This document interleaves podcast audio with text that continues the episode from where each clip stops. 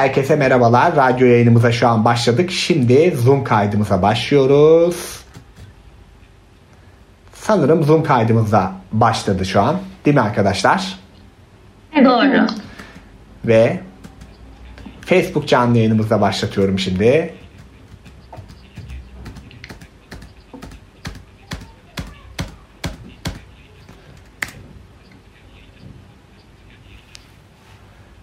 Evet şimdi evet. Evet şu an her yerden yayındayız arkadaşlar. Birkaç platformdan hem radyodan hem Zoom'dan yani bir sürü yerden kayıt başladı. Hepiniz hoş geldiniz. Güzel bir canlı betimlemelerin sanırım bugün dördüncüsünü yapıyoruz. Ee, çok cıvıl cıvıl kızlarla beraberiz. Öğrencilerim buradalar. Ee, hoş geldiniz arkadaşlar öncelikle. Hoş bulduk hocam. Hoş bulduk hocam. Ee, öncelikle çok teşekkür ediyorum katıldığınız için. Konumuz da çok ilginç farklı farklı diziler. Eminim dinleyenler de olacaktır. Çünkü bu aralar Aşkı Memnu'yu görüyorum. Yeniden yayınlanıyor böyle. Epey de izleyicisi var. Rating alıyor. ee, hepsinde ufak tefek cinayetleri bilmiyordum. Yani o diziyi izlemedim galiba ama diğer bütün dizileri e, ben de izlemiştim yani o anlamda şey açısından. E, o yüzden ve konu da çok güzel. Evleri betimleyeceksiniz. Ama her şeyden önce biz hani burada şey yapıyor. Önce sizleri bir kendinizi tanıtmanızı istiyoruz. Hangi bölümdesiniz, ne yapıyorsunuz falan. Ondan sonra yavaş yavaş betimlemeye başlayacağız. Tamam. Sırayla o zaman gidelim. Olur. Merhabalar. Ben Esma Nur Yıldırım. Boğaziçi Üniversitesi'nde matematik bölümü son sınıf öğrencisiyim. Ee, iyi ki böyle bir çalışma yaptık. Gerçekten benim için de çok keyifli oldu. Farklı bir bakış açısı oldu. Ee, umarım keyifli vakit geçiririz. Süper inşallah öyle olacak eminim. Öyle geliyor sesleriniz pozitif geliyor. Teknik aksaklıklar yaşamazsak nazar değmezse güzel gidecek. Ee, ben de Öykü Selam Uysal, Boğaziçi Üniversitesi Endüstri Mühendisliği 3. sınıf öğrencisiyim. Ee, Ben de Esma Nur gibi çok mutluyum. Ee, Aşkı Memnu'yu anlatacağım. Benim en sevdiğim dizilerden biri ve dediğiniz gibi yani hala çok revaçta. O yüzden böyle ben de ezberimi tazelemiş oldum evle ilgili e, anlatırken. o dizinin ciddi fanları var yalnız. Hala izliyorlar o bir Ben tanedir onlardan falan. biriyim hocam. Hala Süper. Ee, o yüzden hani evi kendi evim gibi anlattım diyebilirim. İnşallah Oo. keyifli geçer. Süper vallahi güzel. Bir de e, o zamanlar yani bütün bu dizilerin yayınlandığı şu an hiçbiri yayınlanmıyor bu dizilerin. Hepsi bitti değil mi? Hani bugün artık olan diziler değil. Evet. O zamanlarda sesli betimleme de yoktu arkadaşlar. Bugün bazı dizilerin betimlemeleri var. Hani az çok oralardan hani bugünkü filmlerde bir şey var. Ama bunları eskide kaldı. O yüzden çok çok güzel bir yerden başvurdunuz. Devam edelim Çok bakalım. sevindim. Hmm, Ben bahsedeyim. Ben Elif Çebeci. Boğaziçi Üniversitesi Türk Dili Edebiyatı 2. sınıf öğrencisiyim.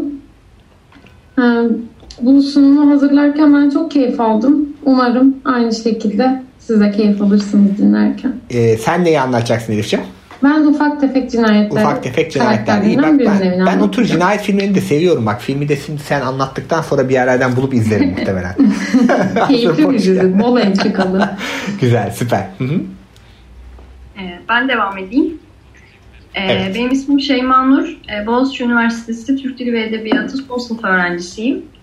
Ee, Ben bugün Leyla ile Mecnun dizisini anlatacağım. Oradaki birkaç mekanı anlatacağım. Ee, Dizi yaklaşık 10 yıl önce başlamıştı ve ben e, başladığı ilk günden itibaren büyük bir hevesle bütün bölümlerini neredeyse izlemiştim. Çok eğlenmiştim. Ve e, önemli bir dizi olduğunu düşünüyorum Türk komedi tarihimizde. Ee, Umarım keyifli geçer. Evet gerçekten Leyla ile Mecnun da hala e, yayı tekrarlarına rastlıyorum ve çok onun da ciddi bir fan kitlesi olan farklı bir komedi türü yani çok değişik Evet, bir evet. yapısı olan e, Hatta ilk kez yapılmış değil mi? Başlarda hiç sevilmemişti dizi. Hı Ee, ilk başladığı zamanlarda insanlara çok tuhaf gelmişti ama sonra ilginç bir şekilde çok ciddi bir kitleye ulaştı. Ve hala devam ediyor izleyiciler. Evet yani şimdi yayınlansa yine reyting rekoru kırar diyebileceğimiz dizilerden biri yeniden çekseler yani öyle bir şey olacak dizilerden bir tanesi oldu hakikaten. Güzel. Ben de kesinlikle öyle düşünüyorum. Şimdi arkadaşlar şöyle yapalım. Yine de hani sizi e, görenler de var. Facebook'tan izleyen ama radyolarından dinleyenler de olduğu için her konuşan bir kendine yine de bir benim ismim şuydu deyip başlarsa hani hatırlama anlamında ilk başlarda en azından güzel olur. E, böylelikle şey yaparız. Şimdi nasıl başlayacaksınız? Sözü size bırakıyorum. İlerleyelim. Hocam son, son olarak bir de ben kendim. Pardon ya ben bir şey unuttum mu? Özür diliyorum ya. Pardon. Hiç sorun değil. Ee, adım Dilek Şık. Ben de Boğaziçi Üniversitesi'nde Türk Dili ve Edebiyatı okuyorum. İkinci sınıf öğrencisiyim. Ee, Ufak Tefek Cinayetler dizisinden Merve Aksak karakterini ve e, ev dekorasyonunu anlatacağım ben de. Bu arada Ufak Tefek Cinayetler dizisi de yanlış hatırlamıyorsam pazar akşamları hala yayınlanıyor tekrarları. Hangi kanalda Zaten yeni yayınlanıyor? Çekilen bir dizi. Ee, Star TV'de olması lazım. Star TV'de. Daha şu an çekilmeye devam mı ediyor yoksa şey mi? Hani Ee, hayır bitti. iki sezondu ama sanırım daha geçen sene bitti ve e, tekrar veriyorlar yayınlarını. Hmm, en gün- tutulmuştu çünkü. En güncel dizi o zaman şu an içeride en yakın Evet. olan dizi değil mi? Güzel. Onu da pazar günleri yayınlandığını bildiğimiz iyi oldu. Aşkı Memnu'yu Kanal D'de görüyorum. Leyla ile Mecnun bir ara şeyde yayınlanıyordu. Bean Connect yayınlıyordu sürekli falan ama şu an nerede yayınlanıyor bilmiyorum ama YouTube'a yazarsanız zaten direkt bulursunuz arkadaşlar. Bolca bulabileceğiniz bir dizi o da. Peki o zaman Bütün Türk dizileri ufak tefek cinayetler de dahil Puhu TV'de yayınlanıyor. Puhu TV'de öyle mi? Ha güzel güzel. Puhu TV'den de rastlayabiliriz. Bu arada zaten şeyler de var. Eski nostaljik dizileri e, yakalama konusunda e, falan e, geçen şeyi gördüm mesela TRT'de Gülşen abi diye bir dizi vardı. Siz bilmez doğmamışsınız belki o dizi yayınlandığında. Ama Haluk Bilginer'in gençlik dönemidir. Yani bir ara rastlarsanız izleyin çok e, şey farklı bir dizidir o da. O, da, o, dönemin komedisiydi falan. Onu gördüm. Şaşırdım falan. Perihan ablayı falan istiyorlardı ama onlar yayınlanmadı galiba. Bunu da oradan şey yapalım. Peki buyurun arkadaşlar başlayalım yavaş yavaş. Evet o zaman başlıyorum. Ee, yeniden merhaba Esma Nur ben. Ee, az önce de bahsettiğimiz gibi biz ekip olarak Türk televizyon tarihinde yer alan unutulmayan dizilerdeki mekanları betimleyeceğiz. Ayrıca bu mekanlarda yaşayan karakterlerin kişisel özelliklerinin yaşadıkları mekanın dekoruna nasıl yansıdığına dair analizlerimizi paylaşacağız. Ee, ben Avrupa Yakası dizisindeki Burhan Altıntop karakterinin evini betimlemeye çalışacağım. Ee, öncelikle diziden biraz bahsetmek isterim.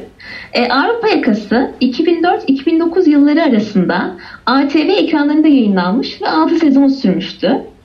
Yapımcısı Sinan Çetin, senaristi de Boğaziçi Üniversitesi mezunlarımızdan Gülse Birsel'di. E, dizinin öneminden bahsedecek olursam, dizide karakterlerin beğeni yargılarına ve ait oldukları kültürel gruba ait özelliklere vurgu yapılıyor daha çok. Bu yönüyle aslında Türk toplumunun sosyolojik ve kültürel analizini de yansıtmış oluyor. E, dizide benim betimleyeceğim Burhan Altıntop'un yaşadığı ev İstanbul'un Nişantaşı semtinde bulunuyor. Bu semt konforluk ve elitlik algısını barındırıyor. Dolayısıyla genel olarak dizide modernizm ve gelenekselliğin bir arada bulunmasına şahit oluyoruz. Peki benim evine betimleyeceğim Burhan Altıntop karakteri bu dünya ile uyum içinde mi ya da çatışma halinde mi? Betimleme sonunda siz karar verin. Evet. Engin Günaydın vardı canlandırıyordu değil mi Burhan? Evet tam üstüne bastınız onu diyecektim. Burhan Altıntop karakterini Engin Günaydın canlandırıyor. Aslında Avrupa yakasının Evet. başından beri yoktu Burhan Altıntop. Yani ilk iki sezonda falan yok diye sonradan girdi diye biliyorum diziye. Yani ilk ben izle, çok izlerdim onu. Ee, sanki Evet. ikinci ya da üçüncü sezonda girdi gibi hatırlıyorum. Çok haklısınız. Üçüncü sezonda girdi ve sonuna kadar da kaldı aslında. Ee, biraz karakter hakkında da ön bilgi vereyim. Ee, Burhan Altıntop, Tokat şehrinin Erbaa ilçesinde doğup büyümüş. Üniversite eğitimini de orada tamamlamıştır. Ailesi geleneksel köklere dayanmakta ve geçimini de tarım ile sağlamaktadır. Burhan iş bulmak için Tokat'tan İstanbul'a gelir. İstanbul'da Avrupa Yakası dergisinde idari müdür olur ve Nişantaşı'nda Sütçüoğlu apartmanı taşınır. Dizide Burhan'ın evinin salon kısmını görüyoruz yalnızca.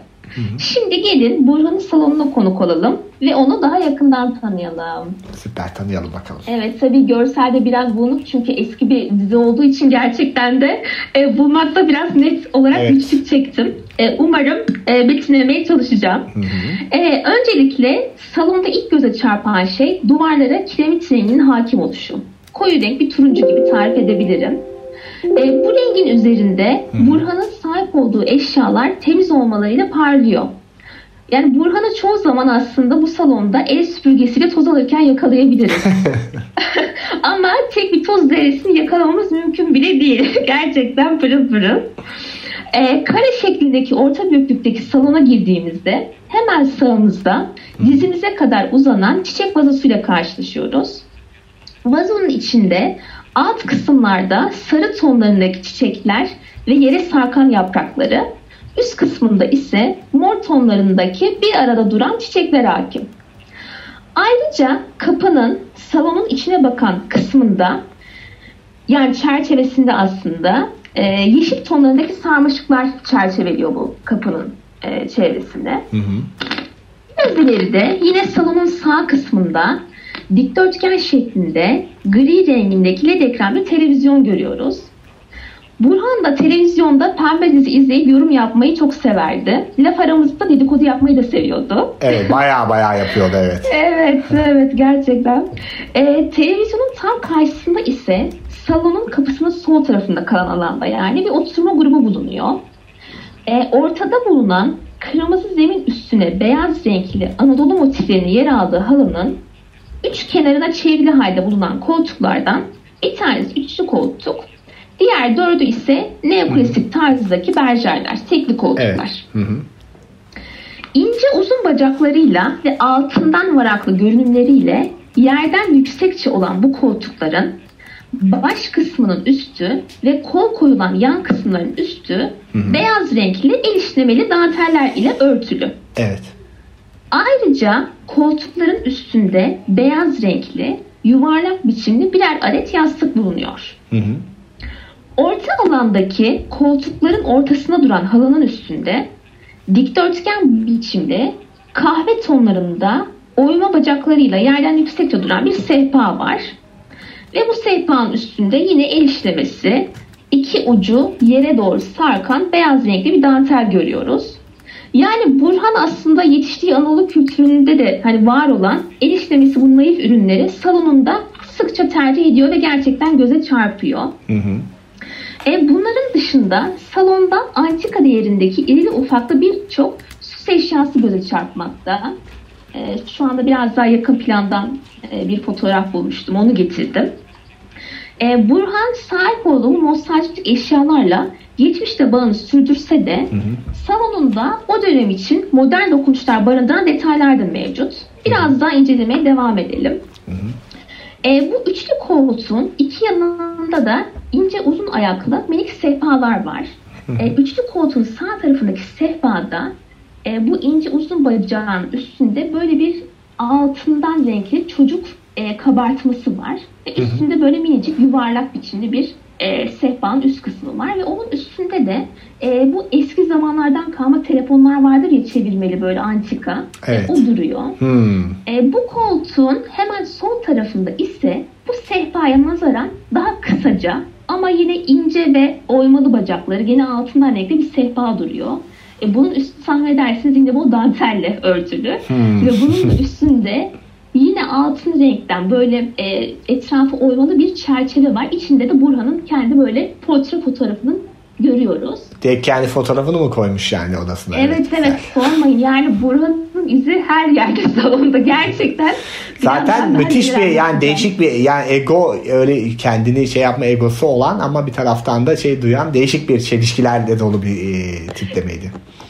Kesinlikle ve hani hakikaten e, ben de çalışırken daha önceden bu kadar üstüne düşünmemiştim. Yani bütün ruh halini hakikaten bu salondan görebiliyoruz. Bana çok ilginç gelmişti mesela bu. Ve sonradan hatta kendim için düşündüm. Acaba ben nasıl yansıtıyorum hani kendimi diye evimde bunu da düşündüm. Ama tabii burada Gülse Birsel'in o gözlem gücünü de alkışlamak lazım. Yani gerçekten o karakterleri yakalayıp onu çok iyi yansıtıyor dizilerinde ve senaryolarında bence. Genel olarak beğenirim ben onun şeylerini. Ya evet gerçekten size katılıyorum. Ee, devam ediyorum. Ee, işte bu bahsettiğim kısaca sehpanın tam çaprazında yani aslında salonun tam sol köşesinde de gene bir biblo var. Tahmin edersiniz gene böyle parlak altınımsı bir renkten. Burada böyle bir çocuk biblosu var. Küçük bir çocuğun biblosu. Böyle yüksekçe bir silindrik bir yapının üstünde duruyor. Ayakta duruyor çocuk. Ve bir elini e, sağ elini kafasının üstüne götürmüş böyle kıvırmış. Diğer sol elini de Yine böyle L şeklinde kıvırmış göbeğin üstüne tutuyor.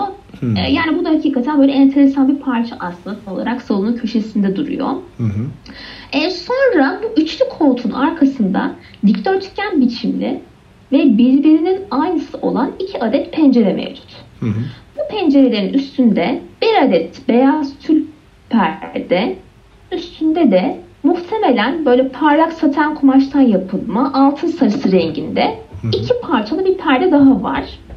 E, pencerenin sağ ve sol iki yanında şerit halinde uzanan perdelerin ortasından da bu tül perdeyi görüyoruz. Hı hı.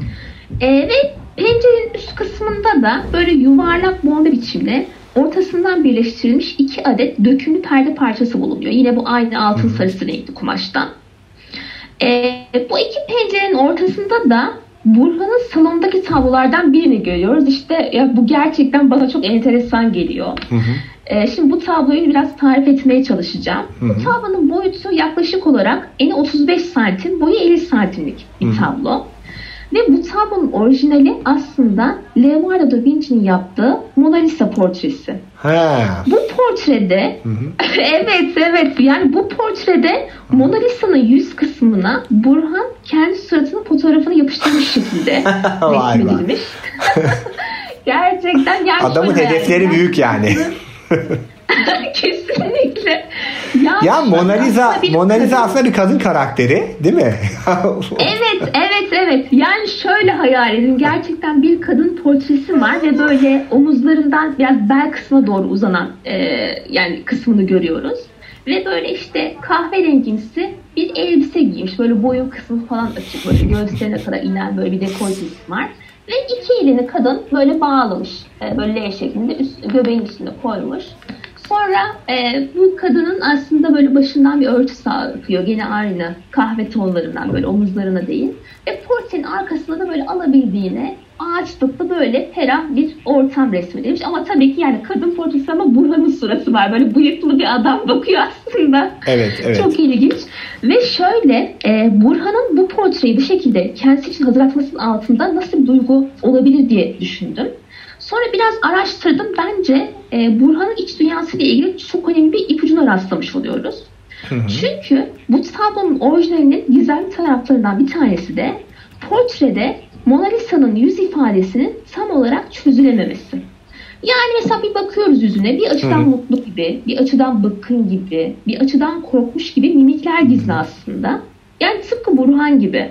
Evet. Yani mesela Burhan çoğu zaman baktığımızda yani onun gerçek fikirlerini ve hislerini anlayamıyoruz. Aynı anda birden çok duyguyu yaşayabilen böyle çok renkli bir kişilik Burhan.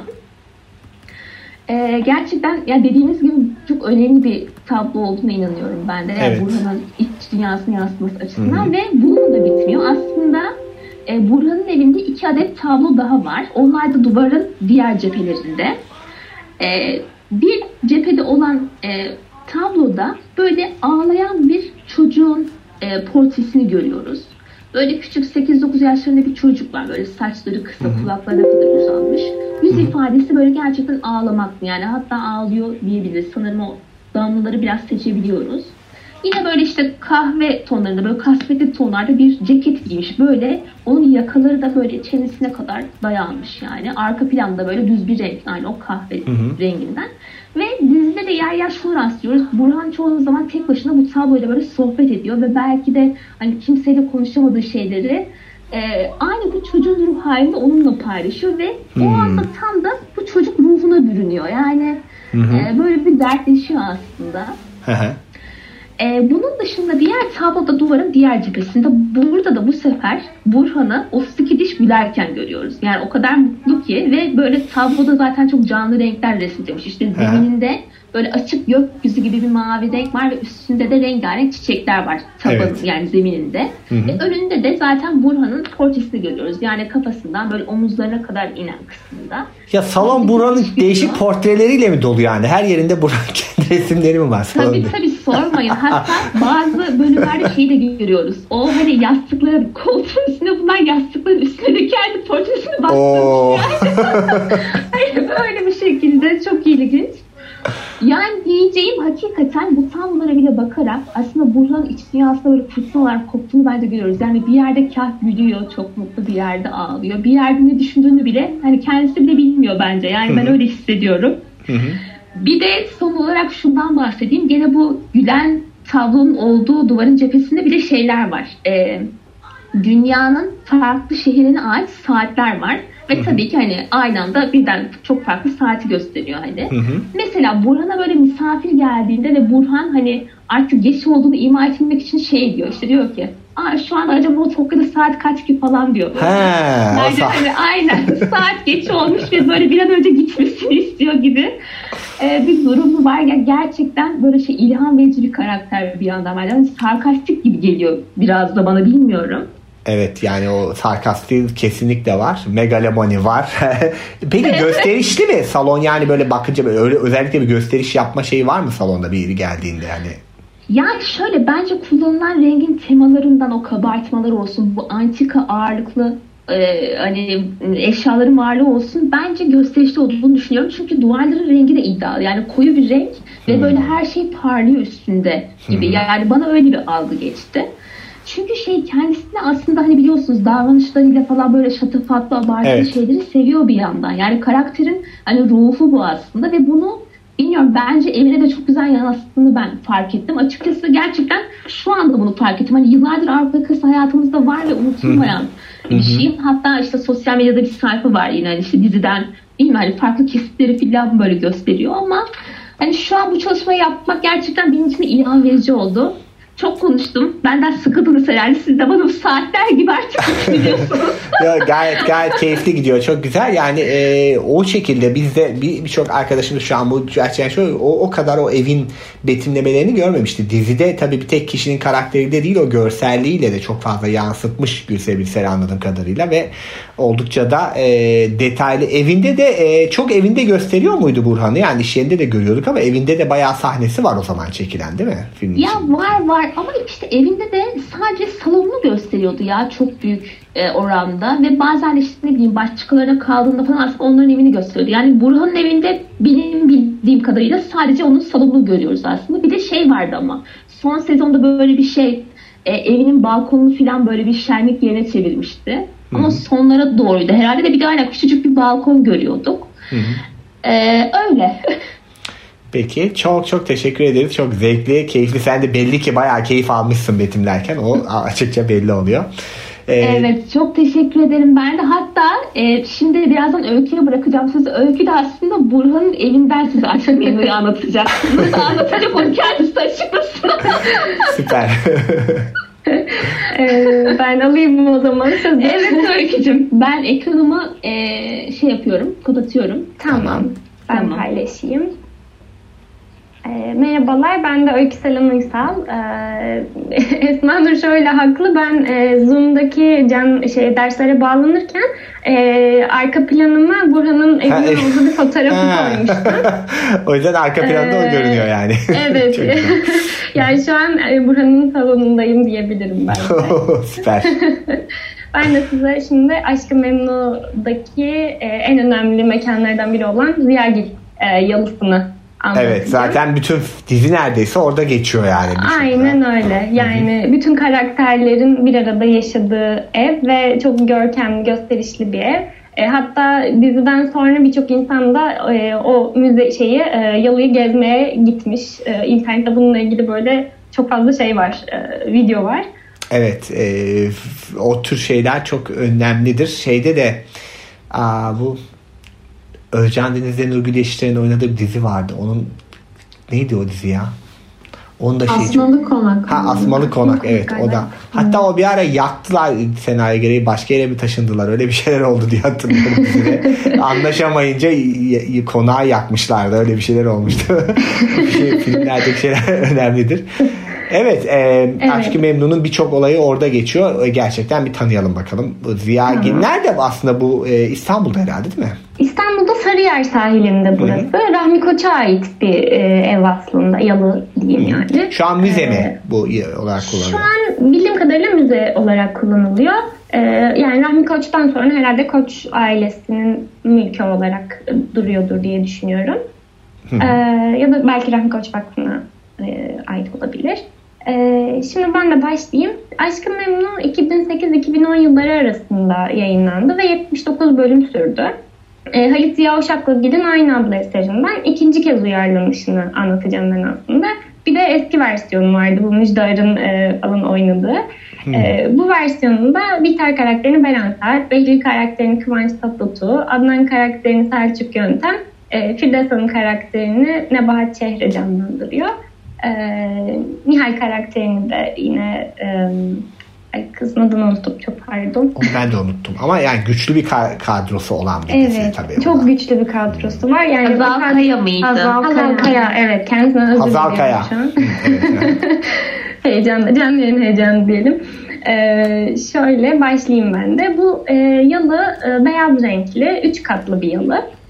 E, dediğim gibi Sarıyer sahilinde Boğaz'a bakıyor. Hı hı. E, dizide Ziyagil ailesinin ve e, Adnan'la evlendikten sonra Bihter'in ve onunla beraber annesini Firdevs Hanım'ın e, yaşadığı bir yer. Oldukça e, kalabalık bir aile olarak yaşıyorlar. Hı. Üç katlı Ziyagil yalısında yaklaşık 10 oda var. Yani bizim gördüğümüz irili ufaklı bazı odalar daha var tabii.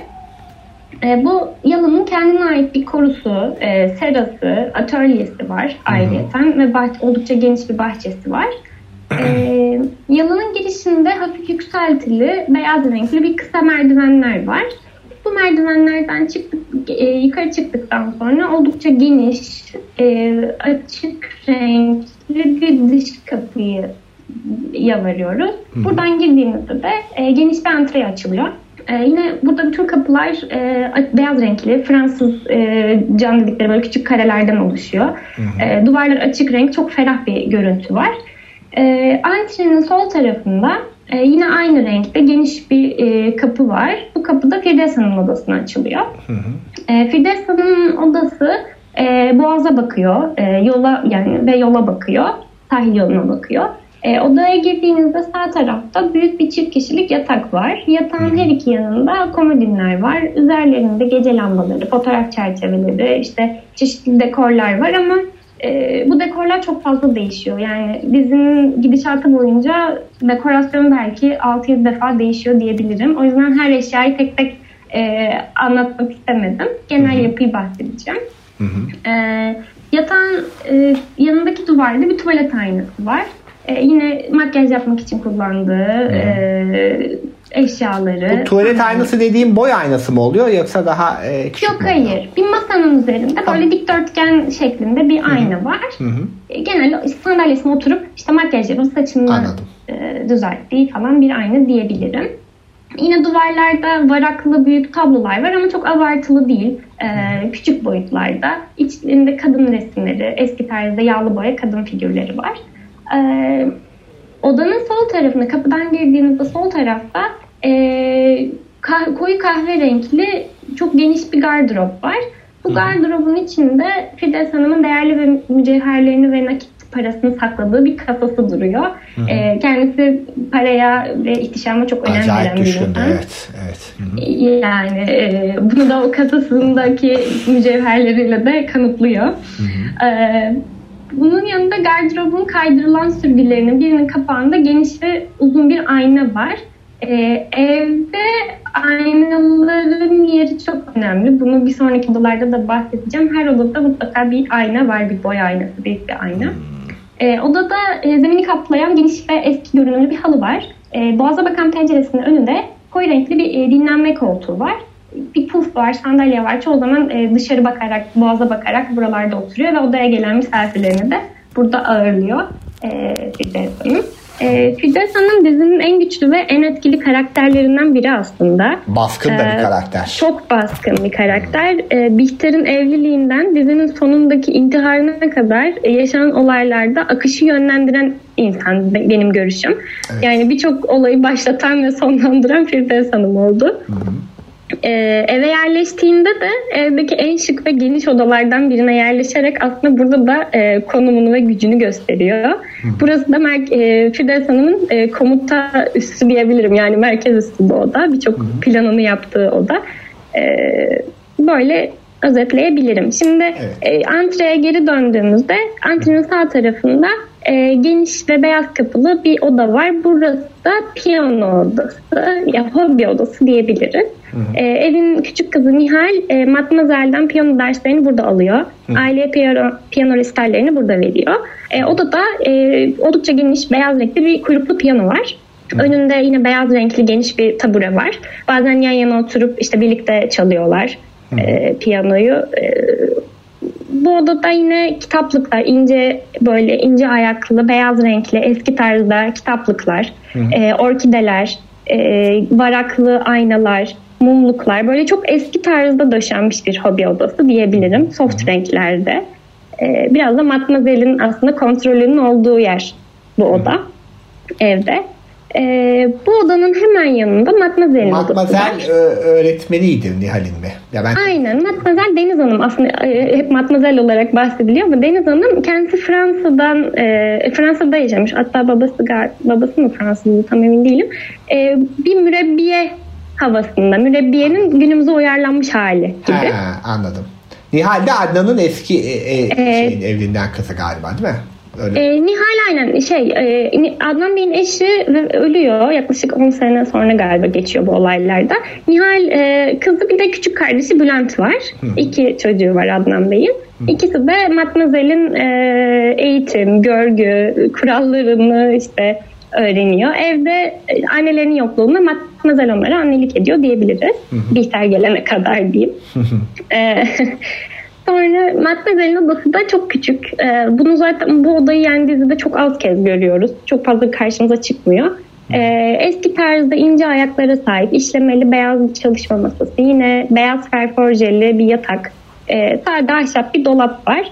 Ee, dediğim gibi Matmazel Fransız mürebbiyesi kavramının günümüze uyarlanmış bir hali olduğu için biraz kuralcı, sınırları olan, giyimi, makyajı ve saç modeli hiç değişmeyen bir karakter. Ee, hep böyle bir Fransız kadınını temsil evet. ediyor.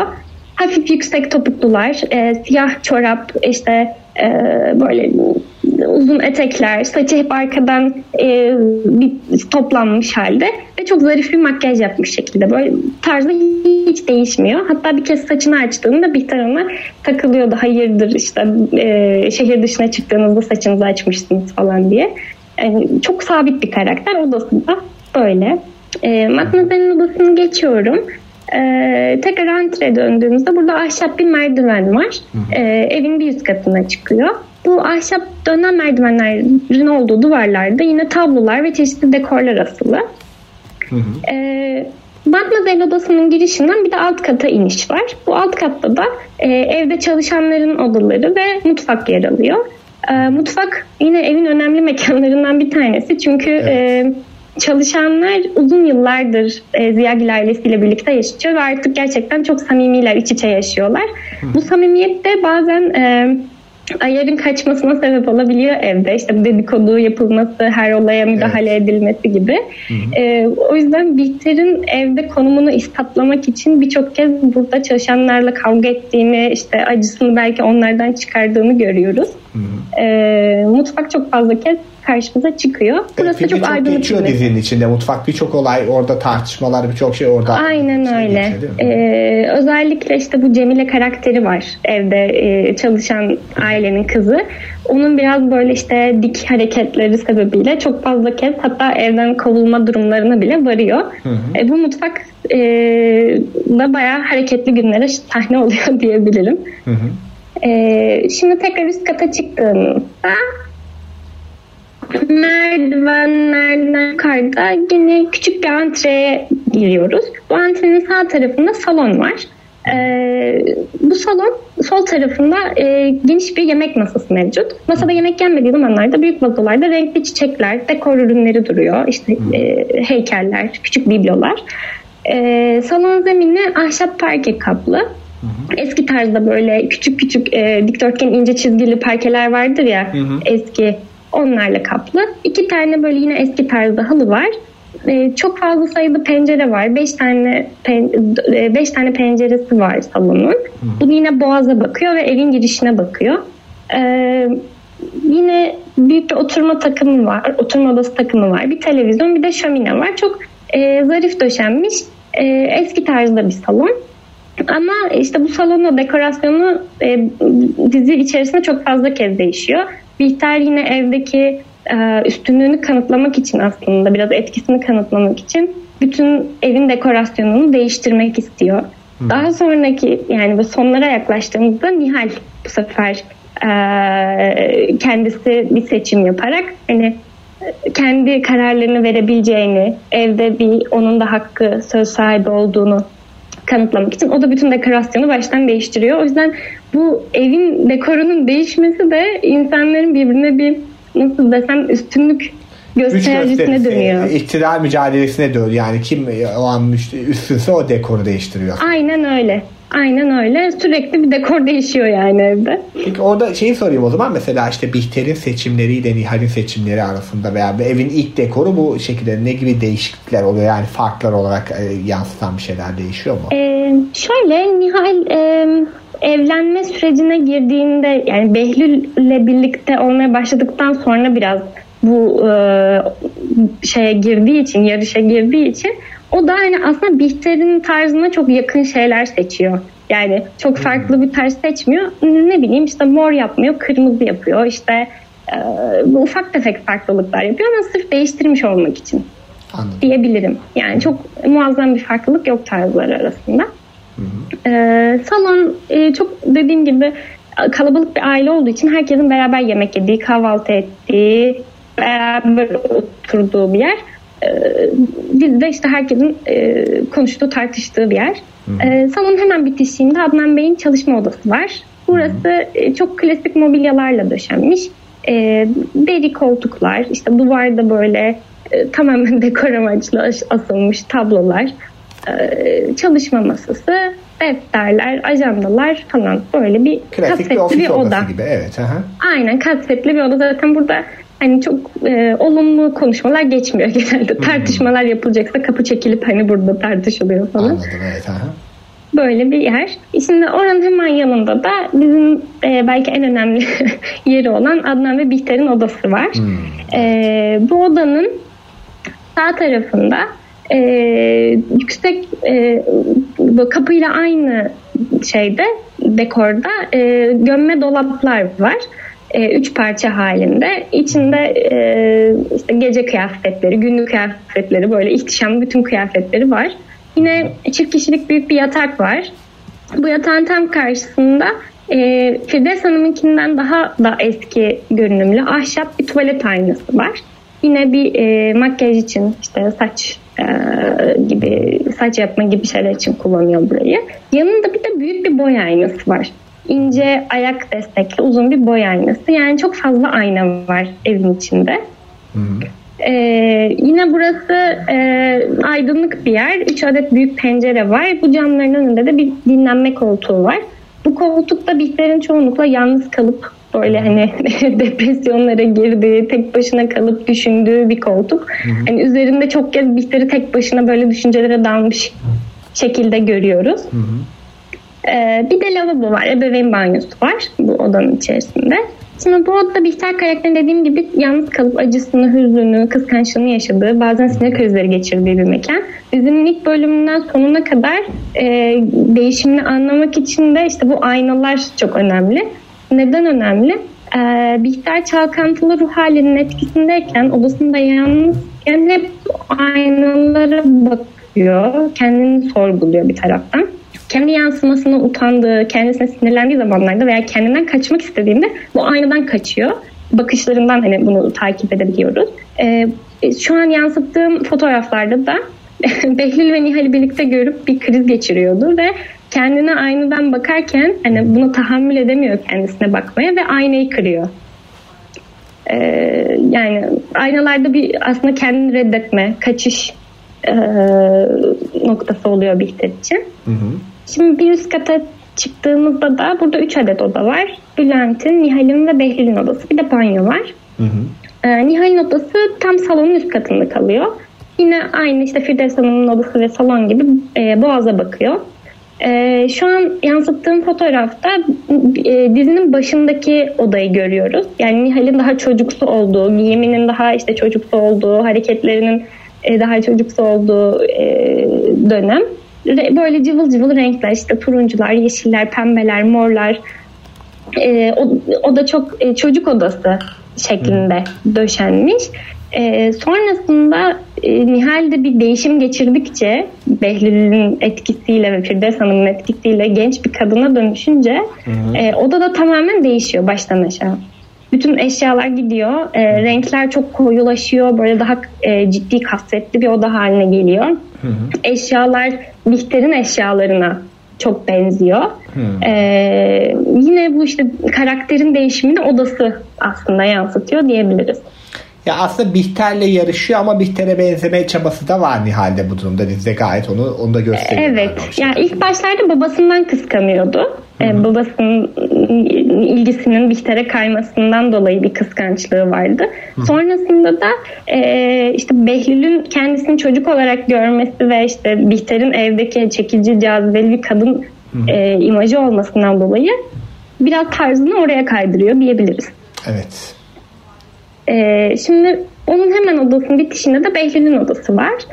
Ee, Behlül'ün odası da çok sade bir oda. Ee, çok fazla eşya yok. Girdiğinizde sağ tarafta bir çalışma masası, sandalye. Sol tarafta da bir çift kişilik yatak var. Ee, burada da e, Burhan'ın Çikosu gibi e, Esma Nur'un anlattığı ağlayan çocuk portresi gibi Behlül'ün çok e, kendiyle özdeşleşmiş tablosu var. Eyfel Kulesi'nin alttan çekilmiş bir fotoğrafı siyah beyaz. Hı hı. Ee, bu diziden sonra bu tablonun şeylerin çok arttığını biliyorum. bu resmin satılmaya başladığını biliyorum Eyfel Kulesi'nin. Onun da Behlül'de böyle bir şey var.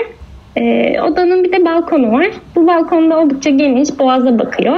Hatta işte e, bir masası ve sandalyesi var. Böyle rahat bir alan.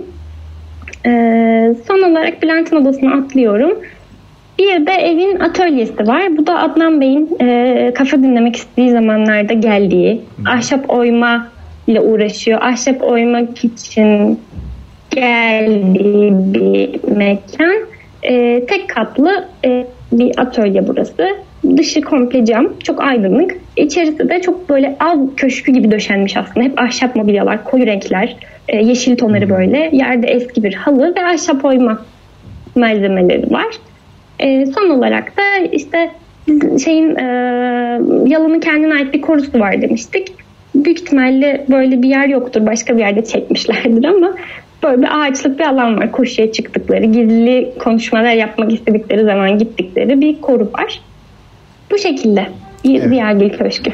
Yani şimdi e, Ziya'yı daha bütünsel bakar iki katlı bir köşk burası değil mi? Hani ben, üç katlı. Üç katlı bir köşk. üç katlı. E, ilk kat e, da, şeyin odası oradaydı galiba bu e, annenin. Firdevs Hanım'ın ha. odası, e, piyano odası, odası ve Matmazel'in odası. odası. Evet. O ilk katta bunlar var. İkinci katta Hı-hı e, salon var. E, Adnan Bey'in çalışma odası var. Bir de Bihter'le Adnan odası var. Hmm, evet e, ikinci katta bu. Üçüncü katta da Behlül'ün odası ve atölyelere mi gidiyoruz? Behlül, e, Nihal ve Bülent'in odaları var. Atölye dışarıda onu belirtmeyi unuttum. Ha, Şeyde. Atölye bahçeden başka bir yer. Evet bahçeden geçiliyor. E, ayrı bir yerde. Bir de şey yani yarı kat gibi bir şey sanırım. Çünkü üç katlı normalde. Mutfağa inilen bir yer var. Alt katta da çalışanların odası ve mutfak var. Peki biraz şeye bakarsan hani bu bütün e, neredeyse dizinin %90'ı bu evde geçiyor gibi diyebiliriz evet. herhalde sahnelerin. Ee, şey var mı hani o zenginliği göstermek için özel bir çaba var mı işte yemeklerinden daha şeylerine kadar hani her şey böyle tablolar evin içinde bir e, nasıl e, kurgulanıyor? Şunu söyleyebilirim. E, yemeklerde çok dolu dolu bir masa görüyoruz. Yani öyle bir çeşit iki çeşit yemek değil de yani başlangıcı aperitifi tatlısı ana yemeği işte içkileri böyle e, çok lüks bir sofra oluyor her zaman ve her öğün böyle oluyor. Yani kahvaltısı da böyle akşam yemeği de böyle. Hı hı. E, zaten çalışanlar masayı hazırlıyor. Yemekleri onlar hazırlıyor. Yani e, aile hani bu, bu işlerle pek ilgilenmiyor normalde. Yeme e, hepsi böyle bir dışarı işte e, şık bir mekana yemeğe gidermiş gibi giyiniyorlar. Evin içindeki giyimleri de sürekli öyle. Hmm. E, topuklu ayakkabılar, işte şık elbiseler, e, aksesuarlar hatta parfüm kullanarak geziyorlar evin içinde. Yani ihtişamı buradan görebiliyoruz. Ama şey değil göz yoran böyle bir e, üstümüze gelen bir şatafat yok. Daha böyle şık e, döşenmiş mobilyalar. Arka plandan bize aslında buranın çok hmm. zengin bir yer olduğunu anlatıyor. Evet anladım genelde e, şey birlikte e, oturuyorlar yemeğe değil mi? Yani hep böyle evet. bir şey var. Öyle bir ritüel de var herhalde. Evet yani evde insanın özel alanı yok gibi bir şey. Yani sadece odasında yalnız kalabiliyorlar. Onun dışında e, salon e, herkesin girip çıktığı, çalışanların da sürekli girip çıktığı bir yer. Ve bu yüzden e, gizli konuşmalar için dediğim gibi ya koruya gidiyorlar ya atölye işte ya birbirlerinin odası. Böyle ev çok ortak yaşanan bir yer. Salon da öyle. Peki dizide en çok neresi gösteriliyor? Yani en çok geçen sahne nereler? Salon mu en çok mesela birlikte ee, e, odalar mı? E, o da daha çok şey oluyor. salon çok fazla, mutfak çok fazla. E, bu ikisi çok fazla gösteriliyor. Bir de e, şeyin Bihter'in odası da aslında çok fazla geçiyor. Çünkü e, ilk 20 bölümden sonra diyeyim Bihter'in Behlül'le ilgili fikirlerinin değişip kendiyle böyle çelişmeye başladığı süreç başlıyor. Yaklaşık 50 bölüm kadar. Hı hı. E, sonrası da zaten e, malum. E, o yüzden Bihter'in odada tek başına kalıp böyle e, kendini sorguladığı sahnelerde çok fazla görüyoruz. Evet e, zaten Bihter'in kişilik analizi başlı başına bir şey olurdu herhalde. Aynen öyle. ya zaten o intihar sahnesi de Bihter'in odasında e, yaşanıyordu. Evet. Hı-hı. E, yani o da önemini vurguluyor aslında dizide. Çok çok teşekkür ederim. Gayet detaylı, güzel bir anlatım oldu. Merak edenler de vardı. Bana soruyorlardı acaba evi nasılmış falan diye. Umarım tatmin. Arkadaşlar sorularınız olursa arkadaşlar hala burada. E, engelseçim.com mesaj panosu üzerinden ya da Facebook'taki yorumlardan sorarsanız iletiriz. Buradan belirtelim. Ve ben çok edelim. teşekkür ederim. evet harikaydı. Şimdi ben bitirdim ekran paylaşımımı. bitirdi. Ben anlatacağım. E, ufak tefek cinayetler dizisinden Merve'yi anlatacağım. Hı hı. Önce ekran paylaşımı. Evet Dilek şimdi geldi. Sen şimdi Evet. Ee, evet öncelikle e, ufak tefek cinayetler 2017 ve 2018 yılları arasında iki sezon sürdü. E, dizinin konusunu ele alırsak evet, e, Sarmaşık isimli hı. Sarmaşık isimli bir sitede e, bir grup lüks hayat süren insanların bol entrikalı yaşamını anlatıyor. Hı hı. Bu Sarmaşık sitesi nerede diye e, sorarsak İstanbul'da Kemer Country'de çekiliyor. Hı hı. E, bu dizinin en çarpıcı ismi de Merve. Çünkü e, bu bol entrikalı yaşamın baş kahramanı da Merve. Hı hı. Sürekli böyle bir entrika, işte insanların arasından iş çevirme, dedikodu yapma, her türlü özellik Merve'de var. Hı hı. E, Merve'yi de Aslan Gürbüz canlandırıyor. Hı hı. İşte yaşadığı yer için e, kraliçe arısı diyebil- diyebiliriz oranın. Çok kontrolcü bir karakter e, kıyafetleriyle, saçlarıyla, işte eviyle, her detayıyla çok özenli bir tip. Ve ev dekorasyonunda da bu baskın karakterini ortaya koyuyor. Ee, sarmaşık sitesini tepeden gören bir evi var ve bu evin dekorasyonunda gösterişli, işte renkli, iddialı parçaları kullanmayı seviyor. İlk önce e, Merve'nin evi beyaz parmaklıklı, işte beyaz pencere sövelerinin dikkat çektiği, gri'nin koyu tonunda boyalı bir ev.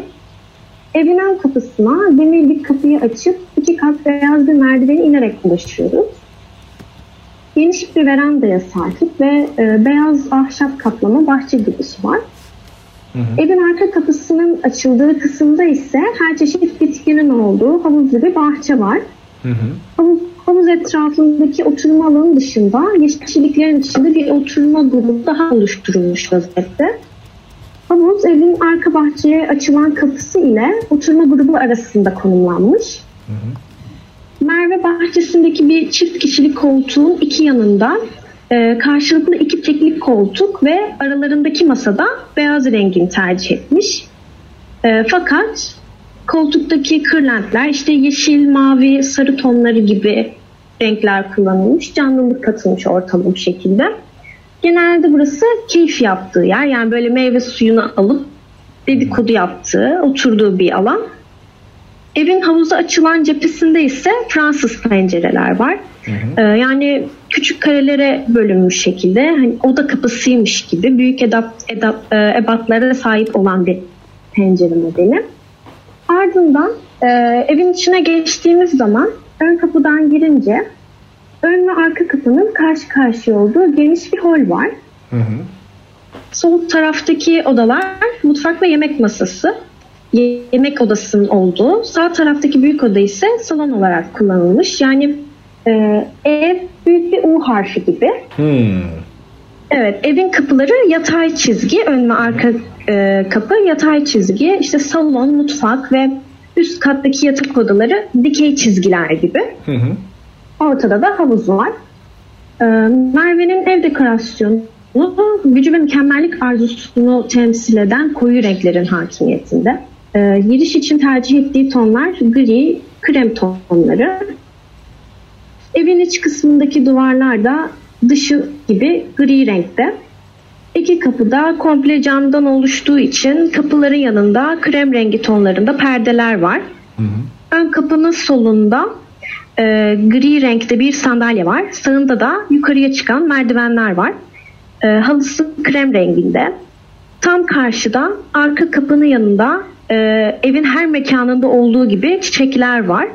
Böyle duvara sabitlenmiş şeffaf dikdörtgen bir vazonun içinde büyük pembe çiçekleri duruyor. Hı hı. Sola doğru gidince mutfağa geçiyoruz. E, Merve'nin koyu kırmızı mutfağı dizinin odak mekanlarından biriydi uzun süre için. Hı hı. Burada işte yemek yaparken e, ya ağlarken görüyoruz ya işte çok mutlu dedikodu yaparken vesaire ama hı hı. uzun süre kullanılan bir kısımdı. E, mutfağa girdiğimizde sol kısım kırmızı renkli dolapları ve siyah beyaz aksesuarlarıyla yine iddialı tarzını ortaya koyduğu bir yer olmuş. Hı hı. Dev davlun bazlı ada mutfak var. Yani çoğu kısım dolap ve tezgah bir arada olarak değerlendirilmiş bir mutfak var ve hı hı. üstü gerçekten dağınık. Ee, tezgahın ilerisinde köşede beyaz renkli bir şömine var. Sağ kısımda da buzdolabı var ve buzdolabının etrafı yine kırmızı dolaplarla çevrili. Hı hı. İlerisine e, siyah yuvarlak bir masa ve masayı çevreleyen kırmızı sandalyeler konmuş. Masa ve buzdolabı arasında da yerde yuvarlak siyah e, küçük bir halı var. Yuvar e, mutfak evet kocaman bir balkona sahip. Balkonda da kahverengi büyük dikdörtgen bir masa ve etrafına yerleştirilmiş aynı renkte 6 tane sandalye var. Hı hı. Mutfaktan çıkınca e, yanında yemek odasına gidiyoruz. Yemek odasında da girince ilk başta karşımıza bordo renginin tercih edildiği bir yemek masası var. Ve yemek masasının arkasında, arkasında da konumlanmış bir piyano görüyoruz. Duvarda ise flamingo desenli duvar kağıdı bu odada en çok dikkat çeken unsur. Özellikle bu flamingo deseni sonradan işte restoran tuvaletlerinde, salonlarda falan çok kullanıldı. Çok ses geçiren bir şey oldu. Yemek masasının üzerinde fazla fazla taşlardan oluşan gösterişli bir avize var. Bordo sandalyeler var çevresinde. Ve arkasında da duvarda devayla işlemi tamamlıyor. Hı hı. Bu odada özellikle sarı ışık kullanılmış. Çünkü e, mekan canlı canlı renklerle çok karmaşık bir hale getirilmiş. Renkleri aynı tona çekmek amacıyla biraz mekanı yatıştırabilmek için daha bir şey kullanılmış. Yemek masasından çıkınca da e, salona ulaşıyoruz. Evin salona doğru ilerlediğimizde. Merve'nin salon operasyonu da e, hakim olduğu bir salon. Çok büyük olarak e, klasik son, mobilyalar Son söylediğini tekrarlarsan ve... ses gitti geldi oldu da e, o salon kısmından. Merve'nin tamam. salonu bir yerden. Hı -hı. E, koyu tonlar hakim bu odaya ha, ve e, yoğun olarak hı hı. klasik mobilyalar tercih edilmiş. Bu mobilyaların renk seçiminde de e, kahve ve lacivert çok kullanılmış. Bunu bir nebze kırmak amaçlı berjerler turuncu renk. Hı hı. E, salonun köşesinde bir şömine var. Etrafında e, lambader ve abajurlar var. Bu şekilde donatılmış. Yanında yere kadar e, inen koyu tonlu perdeler var. E, ve evin salonuna genelde yeşil renk hakim. E, bu da yeşilin koyu tonu ile uyumlu perde. Berjerler de e, pencerenin önünde ve üstlerinde siyah beyaz kırlentler var. Yanına da karşılıklı büyük boyutta gri renkte koltuklar konmuş. İki koltuğun üstünde de renkli renkli kırlentler var. Son olarak da arkada duvarda e, küçük boyutlu birleşik yuvarlak aynaların oluşturduğu bir dekorasyon var. Yani gerçekten bir 10 15 tane falan olsa gerek. Küçük yuvarlak aynalar birleşik halde. Ardından e, banyo ve yatak odalarının bulunduğu üst kata geçiyoruz. Hı hı. Evin geneline e, ahşap koyu parke döşemeler hakim ama üst katta beyaz, bej, e, açık pastel tonları var. Üst kata çıkan merdiven korkulukları ahşap. Bu koridor gerçekten çok geniş zaten. Hani buraya neredeyse ikinci bir salon döşenmiş gibi. Evet. Ee, koridorun ortasında üç kişilik turuncu bir koltuk var. Üstünde rengarenk kırlentler var. Koltuğun iki yanında da çeşitli abajurlar ve işte mumluk, vazo gibi dekor ürünleri konmuş. Sevda sessiz Orta- ol. Pardon. Ortada ahşap bir sehpa var ve krem tonlarında geniş bir halı var. Koltuğun arkasındaki duvarda da e, duvarı kaplayan bir tablo var. Altı renkli çerçeveli dikdörtgen şeklinde göl gibi bir yer içinde işte bolca insan figürünün bulunduğu çok renkli bir tablo. Ardından e, kızın Mila'nın odasına bakarsak kısa bir şekilde beyaz üstünde pembe ve mavi kuşların olduğu bir duvar kağıdıyla kaplı. Yani tam bir renk cümbüşü hakim bu odaya. En üstte, e, en köşede pardon, e, beyaz bir yatak var. Yanında beyaz bir masa ve pembe bir sandalye bulunuyor. Masasının üstü de bir sürü işte eşyayla dolu ve M harfi şeklinde bir lambası var.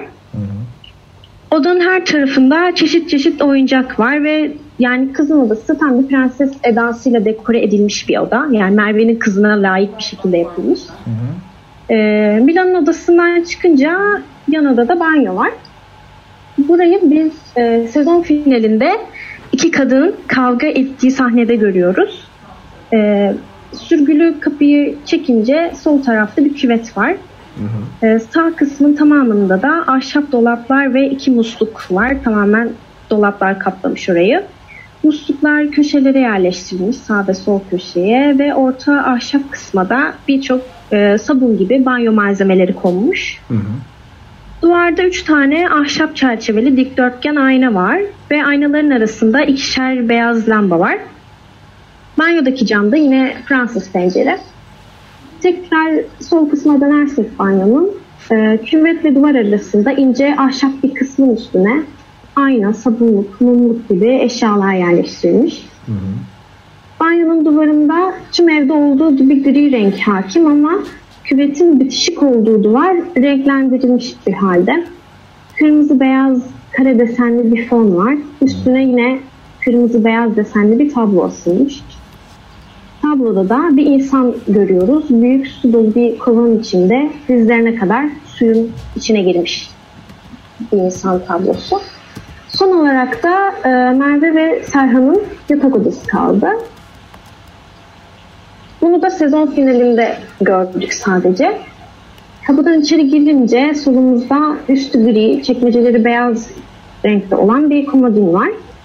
Üstünde de altı renginde yuvarlak toplardan oluşan bir aydınlatma. Komodin ve duvarın arasında yatak yerleştirilmiş. Büyük gri bir başlığı olan bir yatak. Arkasındaki duvarda da e, kırmızı, beyaz, sarı gibi renklerle oluşturulmuş desenli bir duvar kağıdı var. Yine yemek odasında kullanılan taktik burada da kullanılmış. Tekrar oda, odanın girişine dönünce de sağımızda Fransız bir pencere var. Havuza bakıyor bu. Yani e, yatak odası tam olarak mutfağın altında kalıyor. Üstünde kalıyor pardon. E, sonra pencerenin ilerisinde yuvarlak büyük bir ayna var ve gri dört çekmeceli bir şifonyer var. Üstüne de sağ ve sol köşelere çerçeveli iki fotoğraf konmuş ve Merve'nin kişisel eşyaları bulunuyor. Ayrıca e, bir de ilerisinde bütün sarmaşığın manzarasını gördüğü bir balkonu var. Böyle Evet epey çok dolu saray yavrusu gibi. evet, evet e, güçlü bir karakter Merve anladığım kadarıyla ve evini de ona göre döşemiş. Evet yani çok gücü ihtişamı seven bir insan. Evinde de bunu her zerresinde görüyoruz. Gerçekten çok dolu, çok maksimalist bir tip kendisi. Evet e, buradan da onu e, belli ediyoruz. Süper çok Evet. teşekkür ediyoruz. Rica Evet. ederim. Şimdi Evet, Elif ben Elif. Evet. Evet. Şimdi ben aynı diziden farklı bir karakter Oya'nın evini anlatacağım. Ben de ekran paylaşımımı E, yapayım. diziyi hatırlatmak adına Oya ile Merve arasındaki e, kişilik farklarından da belki biraz bahsedersin. Evet, başlangıçta onlardan da bahsedeceğim. Ekranı paylaştıktan sonra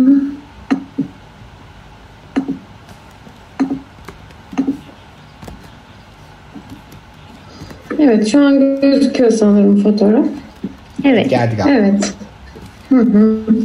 Ee, ben Oya'dan bahsedeceğim. Oya'yı bu dizide Gökçe Bahadır canlandırıyor. Ee, e, tam bir zıtlık içerisinde olan özelliklere sahip Oya aslında. Merve ne kadar kontrol çizanından yana, Oya o aldık samimiyet, sıcaklık ve rahatlıktan yana bir karakter.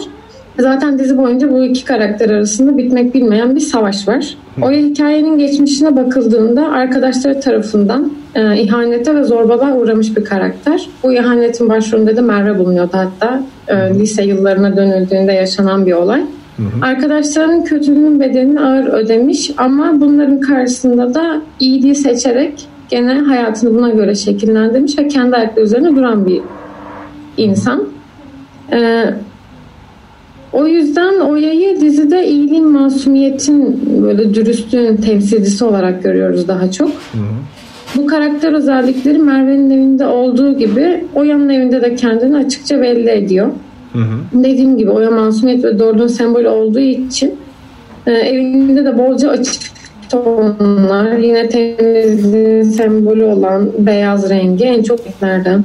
Evin genelinde büyük pencerelerle ferahlık sağlanmış ve sıcak renklerle yine bu sıcak ışıklarla eve samimi bir Elif, hava ev kazandırılmış. bir daha alırsan biraz böyle sesler gidip geldi de orayı bir daha tekrar etmek adına. O Ev kısmını mı? Yani bu şey evler, renkler, can, daha canlı renkler Tamam. dedin oralardan. Tamam. Hani Merve'den farklı olarak evi şöyleydi derken biraz ses gitti. Evet. Oya bu dizide masumiyet ve iyiliğin sembol, sembolcüsü olduğu için evinde de beyaz rengi çok kullanıyor. Temizliğin sembolü olarak, masumiyetin sembolü olarak.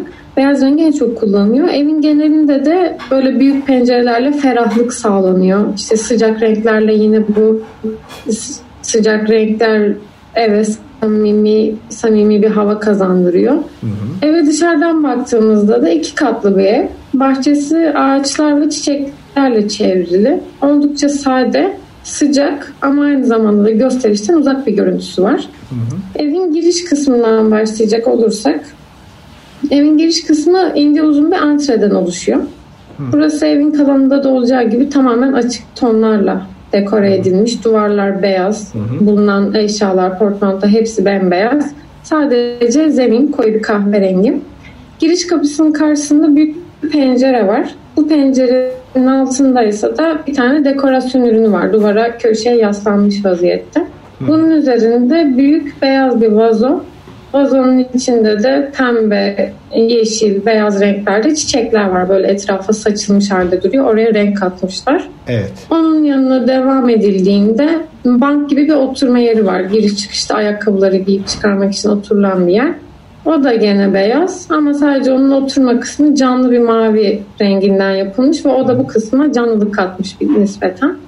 Buradan dümdüz devam edildiğinde mutfağa geçiliyor. Mutfakta da yine abartı hiçbir şey yok. Yani evin genelinde zaten bunu görüyoruz. Abartı hiçbir şey yok. Açık renkler, sadelik. Sadece küçük dokunuşlarla renklendirmeler var. Mutfakta aynı şekilde beyaz dolaplar var burada. Sadece tutma yerleri e, koyu renkli. E, mutfak e, diğer evin diğer kısımları gibi açık renklerden oluşuyor dediğim gibi. Sadece tezgahın üstündeki e, küçük mutfak eşyalarıyla renklendirilmiş burası.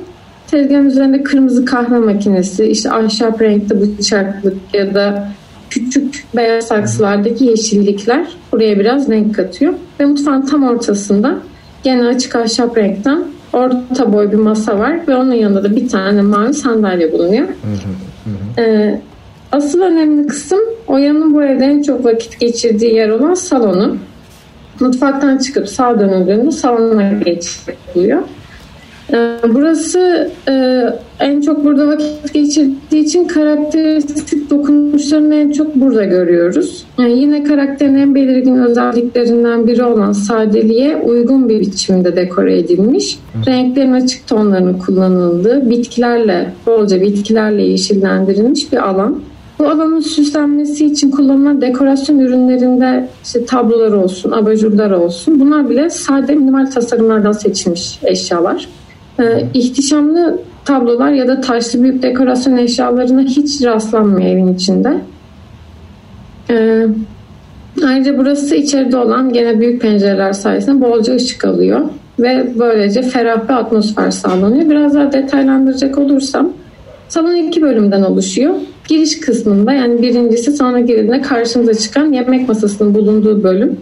İkincisi ise üç basamakla küçük bir merdivenle aşağı inildiğinde koltuk takımının olduğu oturma bölümü. Hı hı. Salonun zemini yine koyu kahverengi evin girişinde olduğu gibi. Salona girildiğinde sağ tarafta olan bölümde ortada büyük beyaz ahşap bir yemek masası bulunuyor. Hı hı. Bu yemek masasında aslında dizideki önemi büyüktür. Orada bütün hep bütün karakterlerin eşleriyle beraber toplayıp yemekler yediğinde evet. büyük itiraflar, entrikaların döndüğü evet. bir masa aslında. Bir şey mi dediniz? Yok bir şey demedim. Dinliyorum. Devam et. Ha, tamam. Bu masanın da öyle bir özelliği var bu dizide. Ee, bu ahşap yemek masası var ve masanın etrafında yine aynı beyaz ahşaptan 6 tane sandalyesi bulunuyor. Ee, masanın arkasında pencere var. Bu pencerenin yere kadar uzanan gene beyaz tüylü ve toprak bej renklerinde fonları bulunuyor iki tarafında. Ee, bu pencerenin gene iki yanında büyük saksıların içinde olan iri gövdeli, geniş yeşil yapraklı büyük iki tane çiçek bitki bulunuyor. Masanın öbür tarafında ise gene böyle beyaz, krem, açık renkli bir konsol. Bu konsolun üstünde de e, kahverengi çerçeveli yatay şekilde sarı, mavi ve turuncu renklerin alt alta dizildiği gene sade bir tablo bulunuyor. O kısma biraz daha renk katan tek şey hatta bu tablo diyebiliriz. Evet. Oturma kısmına geçtiğimizde ise merdivenin yanında merdivenin yanından döndüğümüzde bir L koltuk bulunuyor. Hı hı. Ee, bu L koltuk büyük krem renkli bir L koltuk var. Koltuğun üzerinde yeşil, lacivert ve krem renkli kırlentler bulunuyor. Ee, bu L koltuğun yan tarafında ise bir berjer var. Bu berjerin kolları ve ayakları kahverengi, diğer kısımları ise yine krem renkli. Bu L koltuk ve berjerin ortasında olan alanda ise yuvarlak, büyük, ahşap ve orta sehpası var. Bu orta sehpanın üstünde küçük mavi gri e, saksıların içinde küçük küçük kaktüsler var. Hı hı. E, berjerin arkasında kalan kısımda ise e, yine ahşaptan açık kahverengi bir çalışma masası var. Bu masanın üstünde bir kenarda siyah bir gramofon duruyor dekor ürünü olarak kullanılan. Hı hı. Diğer tarafta ise gene mavi bir masa lambası bulunuyor. Ee, salonun bu kısmına şöyle bir genel bakış attığımızda koltuğun üzerindeki kırlentlerin doğal dağınıklığı, işte sehpanın ya da masanın üzerinde yine benzer küçük eşyalar, böyle kahve bardakları, dağınık kağıtlar gibi görüntüler var. Bunlar yani e, salona böyle e, içinde hayatın devam ettiğini gösteren küçük dağınıklık bir sıcaklık veriyor. Yani Merve'nin evinin aksine daha doğal bir görüntü kazandırıyor. Evet. Karşılaştıracak olursak. Salondan direkt yandaki e, çalışma masasının sonundaki kapıdan dışarı çıkıldığında gene çok güzel ferah bir veranda var burada. Hı hı. E, veranda etrafı ağaçlarla çevrili yemyeşil bir bahçeye bakıyor. Verandanın etrafı ahşap ve beyaz çitlerle çevrilmiş durumda ve bahçeye inen küçük bir merdiveni bulunuyor.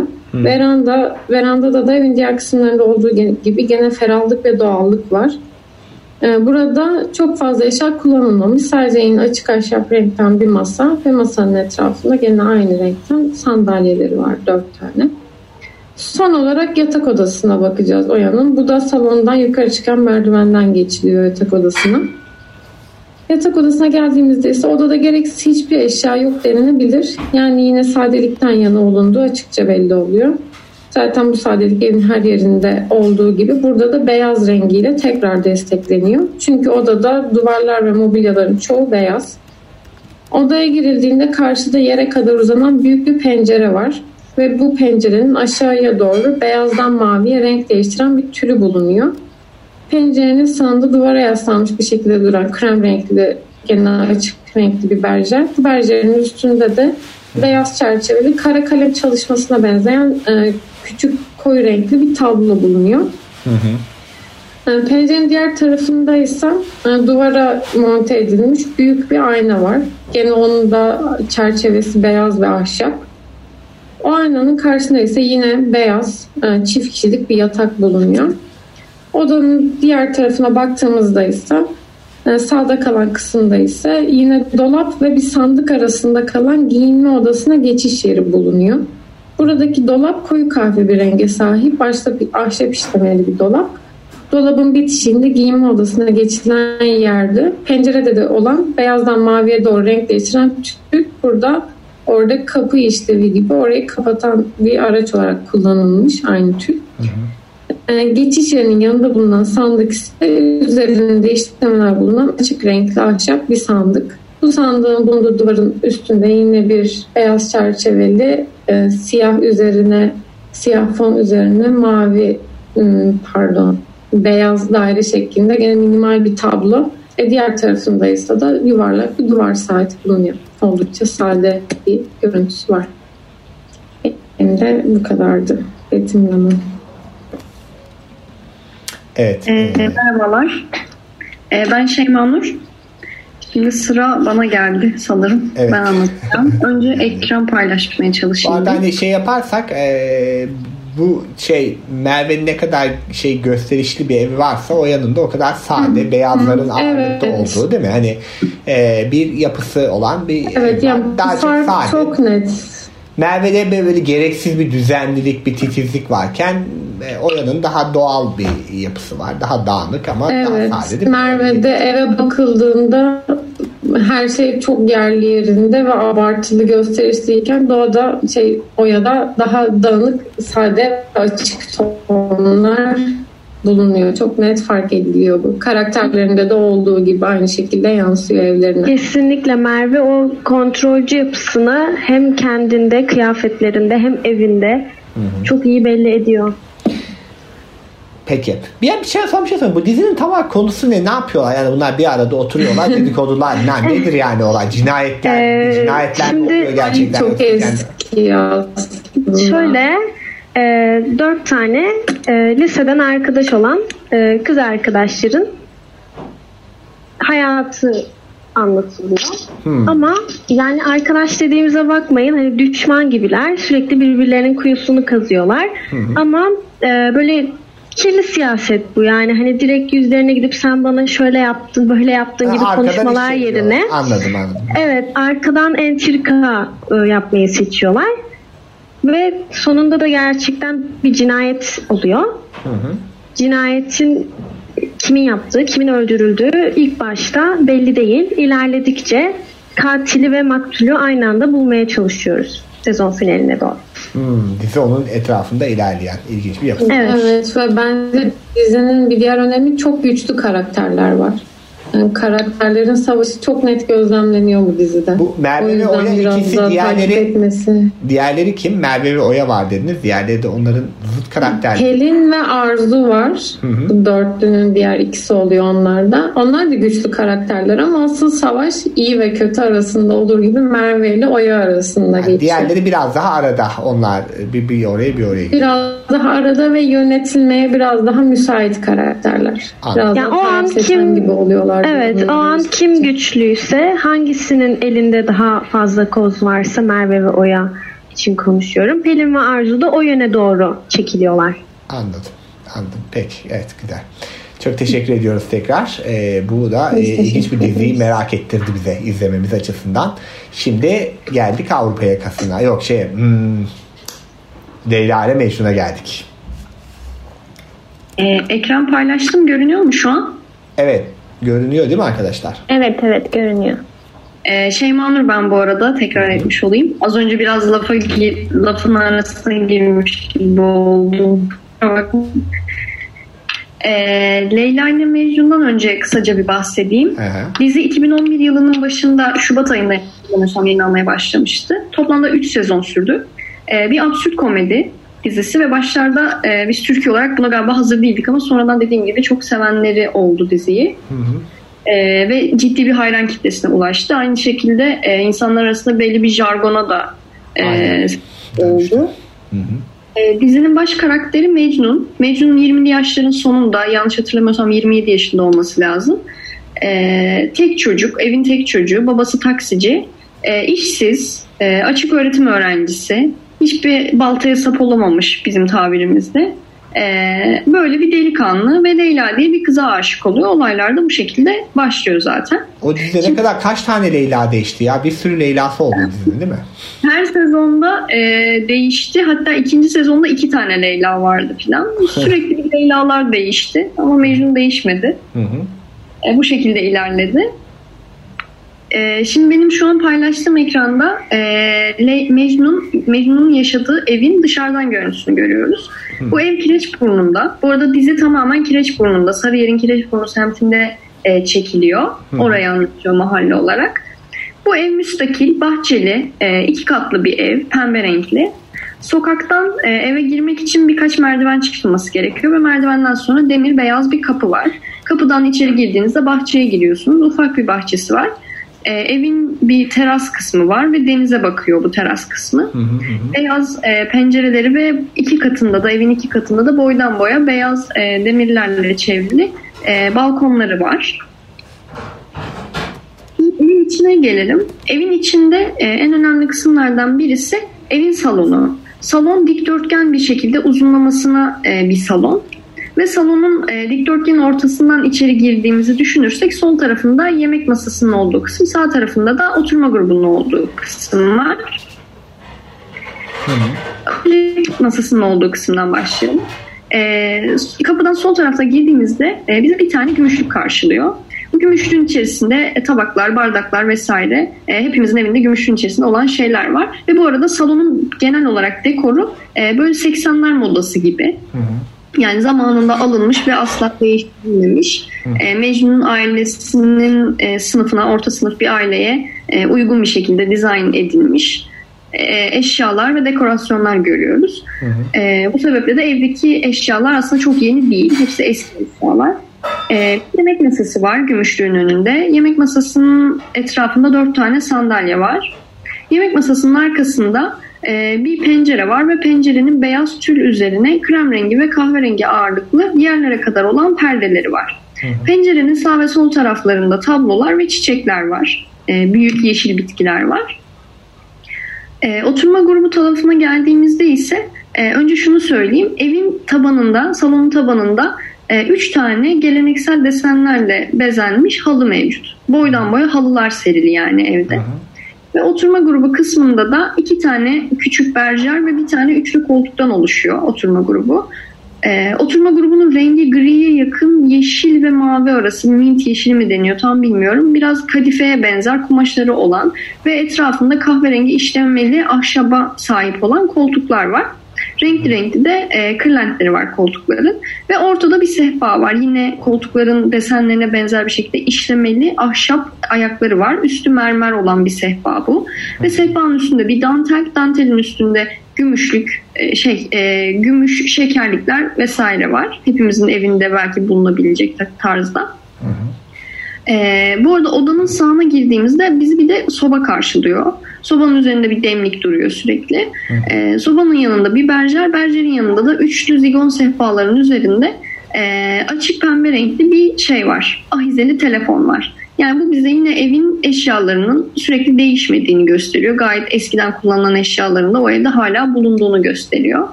Diğer önemli mekanlardan birisi Mecnun'un odası. Mecnun'un odası da yine salona benzer bir şekilde uzun dikdörtgen bir biçimde. Sanki ortadaki duvar böyle yıkılmış da iki odayı birleştirmişler gibi bir görüntüsü var. E, kapıdan girdiğinizde sol tarafta Mecnun'un e, yattığı ve yatağının ve dolabının bulunduğu kısım var. Dolabı beyaz renkli, e, yine eski tarzda bir dolap, büyük. E, hatta galiba bir kapağı kırık ve yapılmamış gibi duruyor buradan. E, duvarlar yeşil renkli, e, dolabın hemen ön tarafında ve pencerenin de önünde köşede bir tane berjer var. Berjerin üzerinde de el örgüsü e, lacivert ya da mor rengine benzer koyu renklerin hakim olduğu bir battaniye var ve battaniyenin üzerinde kırlent var. Bu kırlent ve e, koltuk sürekli bütün sezonlar boyunca burada duruyor. E, duvarlardaki perdeler uzun e, koyu renkli perdeler. Ve e, komedinin hemen yanında yine pencerenin önünde Mecnun'un yatağı var. Yatağı ahşap başlıkları olan eski tarzda bir yatak ve kırmızı bir yatak örtüsü kullanıyor. Ve en önemli detaylardan birisi e, yatağın hemen baş ucunda bir tane poster var. Posterde e, sezonun ilk başlarında dizi ilk başladığı zamanlarda bir Beşiktaş posteri vardı. Büyükçene hmm. duvara asılmış. Hmm. Daha sonrasında onu Ferdi Tayfur posteriyle değiştirdiler. Ve o Ferdi Tayfur posteri dizi bitene kadar hep orada durdu. Hı. Bu da aslında Mecnun karakterinin e, ilgi alanlarını gösteren bir şey. Çünkü kendisi Ferdi Tayfur hayranı sürekli arabesk dinleyen birisi. Hatta bir bölümde arabeskin dünya üzerinden yasaklanmasını sağlayan insanlara karşı savaşıyordu filan öyle bir detaylar vardı. Arabeskin bayrağını göklere çekeceğiz gibi e, imaları vardı filan. E, yatağın yan tarafında ise e, bir komodin, beyaz bir komodin. Komodinin hemen yanında bir masa var. Masanın üzerinde de eski tarzda e, eski kasalı ve eski büyük monitörlü bilgisayarlardan var. Muhtemelen yıllardır orada durduğu çok belli. Aha. Ve tabanında yine geleneksel desenlerle bezenmiş büyük bir halı var. Hı hı.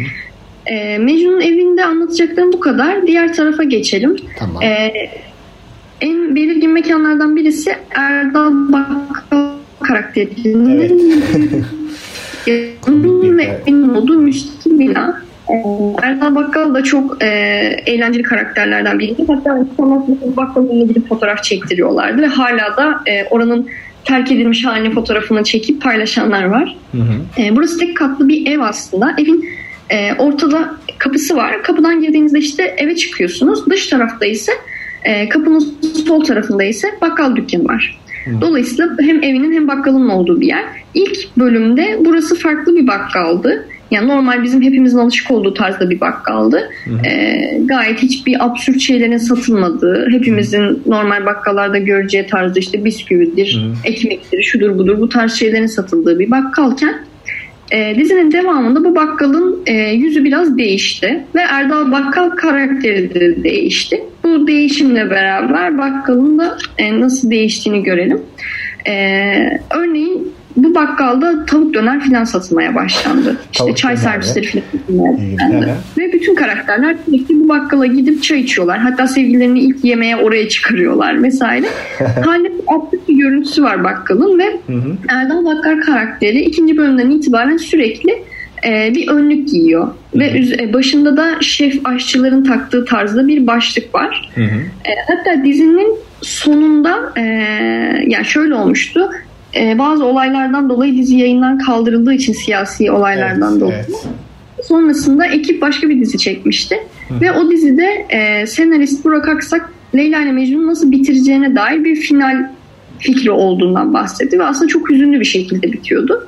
E, e, Mecnun karakterinin aslında bir hasta olduğunu, e, felçli birisi olduğunu ve bütün bu diziyi aslında kendi kafasında hayal ettiğini filan anlatan bir kısa bir kesit çekmişlerdi. Evet. Ve e, sürekli işte babası ona yemek yedirirken e, bir tuzluk var. E, eski böyle tuzluklar vardır. Aşçı kostümlü, işte başında aşçı şapkası olan tuzluklar. Böyle şişman bir adam, bıyıklı bir adam görüntüsünde. Aslında Erdal Bakkal'ı hep o tuzluğa benzettiği için hep o tuzluğa benzer şekilde Erdal'ı giydirdiler dizi boyunca. O önemli bir ayrıntıydı. Ee, bakkala baktığımız zaman önünde iki tane ufak masa, işte dört tane tabure görüyoruz ve sürekli insanların böyle kafe gibi gelip oturdukları, e, kıraathane gibi takıldıkları bir mekan olduğunu görüyoruz. Aslında normal bir bakkalda olabilecek tarzda gazetedir, toptur, işte şeker, cips vesaire e, detaylar varken bir yandan da mesela züccaciyelerde bulunacak tarzda işte plastik süzgeç, işte değişik renkli süzgeler filan asılı bakkalın bir yerinde. Diğer tarafta sebze ve meyve sattığı bir kısmı var. İşte içeride bir kettle var sürekli. Camın önünde bir kettle sürekli çay kahve demlediği. Ve en belirgin olarak da bahsettiğim gibi tavuk döner var. Evet o hakikaten e, bayağı o komikliği göstermek açısından güzel Evet olmuş. evet absürt bir görüntüsü var gerçekten bakkalın. Ya Tavuk bakkalda döner böyle pişiyor mu sürekli? Onun öyle bir yani tezgahı var mı? Pişer gösteriyor mu onun şeyini yaparken? Evet evet gösteriyor. Yani çok bakkalın içine girilmiyor hiç e, dizide. Hiç ben rastlamadım yani izlediğimde. Genelde hep dışarıdan çekiyorlar. Sokaktan bakkalın görüntüsünü Anladım. çekiyorlar. Ama hemen cam mekanda tavuk döner görüntüsü falan sürekli görülüyor. Evet anladım. E, bu arada rengi de değişiyor bakkalın. İlk başta çok koyu ve e, sade tonlardayken sonradan işte bu değişimle beraber kırmızıların sarıların hakim olduğu cıvıl cıvıl bir dükkan görüntüsü veriliyor. E, ve böyle devam ediyor. Bir diğer önemli mekanlardan birisi de Kireçburnu sahili. Kireçburnu sahilinde de çok absürt bir e, var. En başından beri neredeyse ve İsmail abi karakterinin konuşmaları. Evet bir dakika. Kireç bunu sahilde değil mi? Orada sesin gitti de. Evet. Kireç bunu sahilinde. Evet. evet Sahilde deniz kenarında. Hı. Bankaların falan olduğu yerin ön tarafında. Hı. Aralarında yaklaşık 50 ya da 70 metre kadar bir mesafe var. E, Mecnun ve İsmail abi ve sürekli birbirlerine bağırıyorlar. Hı. Asla hiç yan yana gelmiyorlar o sahilde. Ve bu sahne uzaktan ee, bağırışarak konuşuyorlar sürekli. Evet bağırışarak konuşuyorlar ve sahneyi genelde hep uzaktan çekiyorlar e, kamera, kameramanlar ve sahnenin her zaman o çekimde sağ ve sol tarafında büyük ağaçlar var. Ne ağacı olduğunu bilmiyorum ama belki çınar olabilir. Hemen ön tarafında iki tane bank var Bankın ilerisinde bir sol tarafta Mecnun sağ tarafta İsmail abi var mı? Devamında zaten Deniz var. Böyle geniş sekans bir sahne var ve bu bütün dizi boyunca devam ediyor. Sürekli e, sahildekiyle me, şey, Mecnun ve İsmail abinin konuşmaları hep bu sekans üzerinden veriliyor ve bu üç sezon boyunca bu görüntüye bütün herkes aşina oluyor. Hatta hmm. insanlar gidip o aynı sahilde uzak bir şekilde durup işte birbirlerine bağırarak video falan çekiyorlardı o zaman. e, böyle bir etkisi de oldu. Hı hı. Ben de çektirmiştim orada fotoğraf. Ee, benim anlatacaklarım bu kadar. Bilmiyorum ne kadar sürdü ama genel itibariyle en belirgin mekanlar buralardı dizide. Yok, gayet güzeldi. O Leyla Mecnun'da hakikaten o bir ekolü. Burak Aksak sonra filmler de çekti böyle Leyla Mecnun yani şeyleri farklı farklı şeyleri olan ama evet. e, o güzel yani şey gerçekten farklı o tarz e, klasiğin dışında olan dizilerden biriydi yani. E, O yüzden mekanları da ilginçmiş gerçekten. Arkadaşlar çok çok güzel oldu. Çok keyifli bir sohbetti. Hepinize çok çok teşekkür ediyorum. Ee, oldukça da yararlandık farklı farklı. Bu dizileri böyle tanımak e, bizim için de çok farklı bir e, boydu. E, o yüzden ben tekrar tekrar sizleri tekrar e, katıldığınız için bizimle birlikte olduğunuz için çok çok e, sağ olun diyorum. Biz de teşekkür ederiz hocam. Bizim için de çok keyifliydi. Hocam.